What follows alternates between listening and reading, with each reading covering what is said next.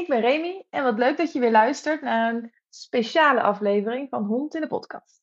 In deze special hoor je fragmenten uit een van onze webinars, gegeven door Lea en mijzelf. In deze special vertellen wij meer over de hondentaal en hoe je pups kunt begeleiden. Veel luisterplezier! Nou, hondentaal is uh, lichaamstaal. Uh, dat zal je misschien niet ontgaan zijn dat honden niet praten.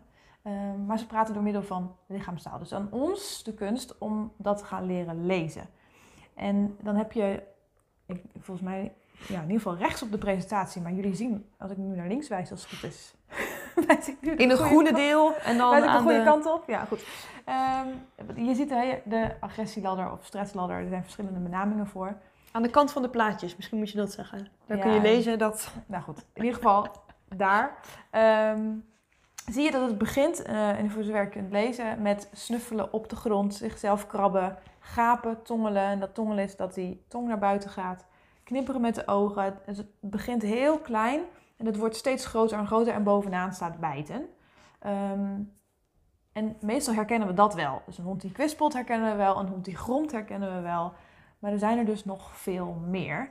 Uh, en vaak herkennen we het dus pas als die hond al in oranje, geel, oranje of zelfs rood zit. En dan ben je eigenlijk al, ja, nou, te laat wil ik niet zeggen. Um, maar dan heb je hond dus al in, dermate stress laten ervaren. Hè? We hebben het straks over die, die spanningsdrempel gehad en over zijn stressemmertje. Dit is niet voor niks ook groen, geel en oranje. Um, de stress van de hond gaat daarmee ook omhoog. Uh, het boekje Doggytaal van Lily Chin, die staat ook op ons inschrijfformulier als aanbevolen literatuur. Die kan je heel goed helpen om die signalen uh, te herkennen. Want dan kun je naar je hond kijken en kijk dan ook gewoon heel objectief van, joh, wat zie ik nou eigenlijk gebeuren? Dat kun je dan in dat boekje opzoeken en dan staat daar wat het zou kunnen zijn. Um, ja, dus bedenk voor jezelf welke signalen herken jij van jouw hond uh, en wat zou die daarmee willen zeggen. En uh, het is wel belangrijk om dan te zeggen dat je naar meerdere signalen kijkt. Hè? Dus je kijkt niet alleen maar naar één gaap of je kijkt niet alleen maar naar het um, puur dat je hond zijn staart naar beneden houdt. Dus je kijkt wel naar de complete hond en naar het, ja, het plaatje waar de hond zich in bevindt. Oh, nog één. Oh. Ik dacht dat er nog eentje kwam. Nee, was niet was zo. Niet.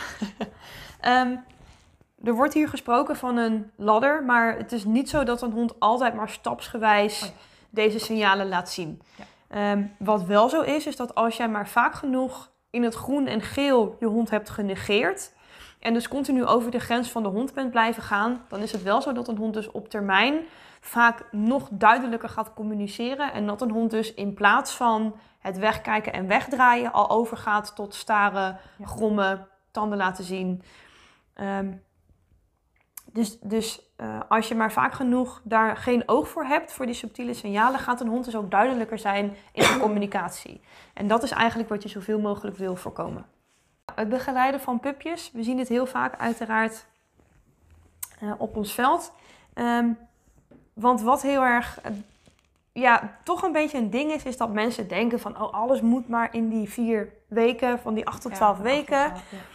Uh, dat is de socialisatieperiode en uh, ik heb maar een window van vier weken om dus mijn hond goed te socialiseren. Wat vooral belangrijk is om te weten is dat kwaliteit gaat boven kwantiteit. Ja. Dus hoe jouw hond ervaringen opdoet is belangrijker dan hoeveel ervaringen een hond opdoet. Dus wees daarin kritisch en bedenk wat moet mijn hond kunnen als hij volwassen is. Uh, dus als jij met jouw pup van negen weken in de trein stapt, maar die hond vervolgens nooit meer met de trein hoeft, dan hoef je dat dus helemaal niet te doen. Als je naar de markt gaat en je gaat iedere zaterdag met je hond naar de markt, is dat al een veel beter uitstapje. Dus wees daarin, kijk daarin wat een hond moet kunnen als hij volwassen is. Um, wat daarbij belangrijk is, ook is dat een hond dus uh, ervaringen opdoet, positieve ervaringen opdoet met mensen die onderdeel zijn van zijn leven. Dus dat hij niet door iedereen op straat maar geaaid moet worden, aangehaald hoeft te worden, naartoe moet, iets mee moet, maar dat dat echt beperkt is tot de mensen waar hij daadwerkelijk ook mee van doen heeft, ja. zijn hele leven lang. Ja. Um, en daarbij kan het dus ook helpen om regelmatig tegen vrienden en familie te zeggen: Goh, wil jij eventjes met mijn pup gaan lopen? Wil jij even leuke dingen gaan doen samen? Zodat je hond ook leert dat er meer mensen zijn dan alleen de mensen die binnen het gezin wonen waar de hond zich fijn kan voelen. Wat dus heel erg handig kan zijn als je een keer oppas nodig hebt. Ehm, dus laat je hond positieve of neutrale ervaringen opdoen. Dus goede ervaringen of je hoeft hier niks mee ervaringen. Ehm, met veel voorkomende prikkels en situaties. Wat ik net al zei, als jij nooit met de trein gaat, hoeft jouw pupje echt niet in de trein met uh, eh, 9 of 10 weken. Steun je pup alsjeblieft als hij het moeilijk heeft. Er wordt nog wel eens gezegd van nee, want dan bevestig je de angst en dan wordt het alleen maar erger. Eh, maar er is echt niks mis met even bij je hond gaan zitten, je hond geruststellen en daarna weer samen verder gaan. Daarbij hoef je natuurlijk niet de situatie groter te maken dan het is. Ben daar zelf namelijk, was daar schuldig aan met mijn hondje. Dat ik op een gegeven moment ging merken dat hij uh, regelmatig de makkelijke weg begon te kiezen. Dat hij zoiets had van nee, dat kan ik echt niet. Ehm, en als je dan tegen je hondje zegt, joh, weet je, je kan dit echt wel, gaat helemaal goed komen, ik ben er. Ik ga even bij je op de grond zitten. Ga maar. En dan merk je dat zo'n hond daar veel meer zelfvertrouwen van krijgt, omdat ze leren dat je er bent als, als ze je nodig hebben. Um, want zeker met jonge honden wil je dat jij die veilige haven wordt. En als jij continu maar je hond aan zijn lot overlaat, ja, dan kun je je voorstellen dat, dat dat heel lastig gaat. Leer je hond ook om rust te nemen. Als je hond dat van nature kan, is dat super chill. Um, maar niet alle honden kunnen dat van nature. Dus leer je hond ook, naast de uitjes, leer jouw hond, je pupje, ook om rust te nemen in huis. Beloon ook voor rust. En die rust is nog belangrijker dan actie eigenlijk. Hè? Want ja. hond in actie krijgen, dat lukt meestal wel. Ja. Maar om daarna ook weer in rust te zien te vinden, is een stuk lastiger. Ja.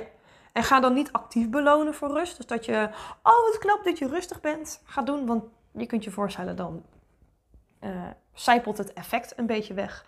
Maar als je hond ergens in huis ligt, leg even een voertje bij hem neer ehm, en loop weer weg. Ga eens een kop koffie drinken terwijl je zelf op een stoel zit. Want dat is ook, hè, dan denken mensen vaak: oh ja, maar mijn, mijn pupje moet rustig zijn. Hij ligt daar mooi.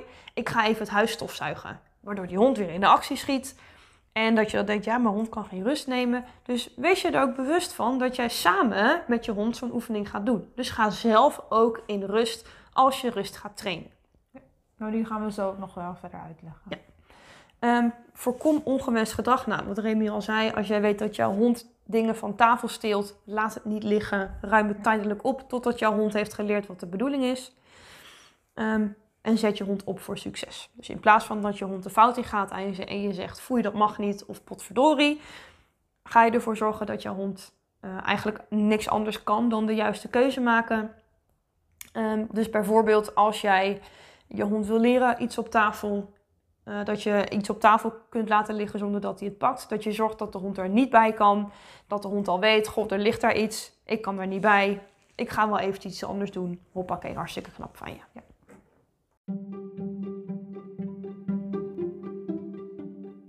Vond je dit een interessant fragment?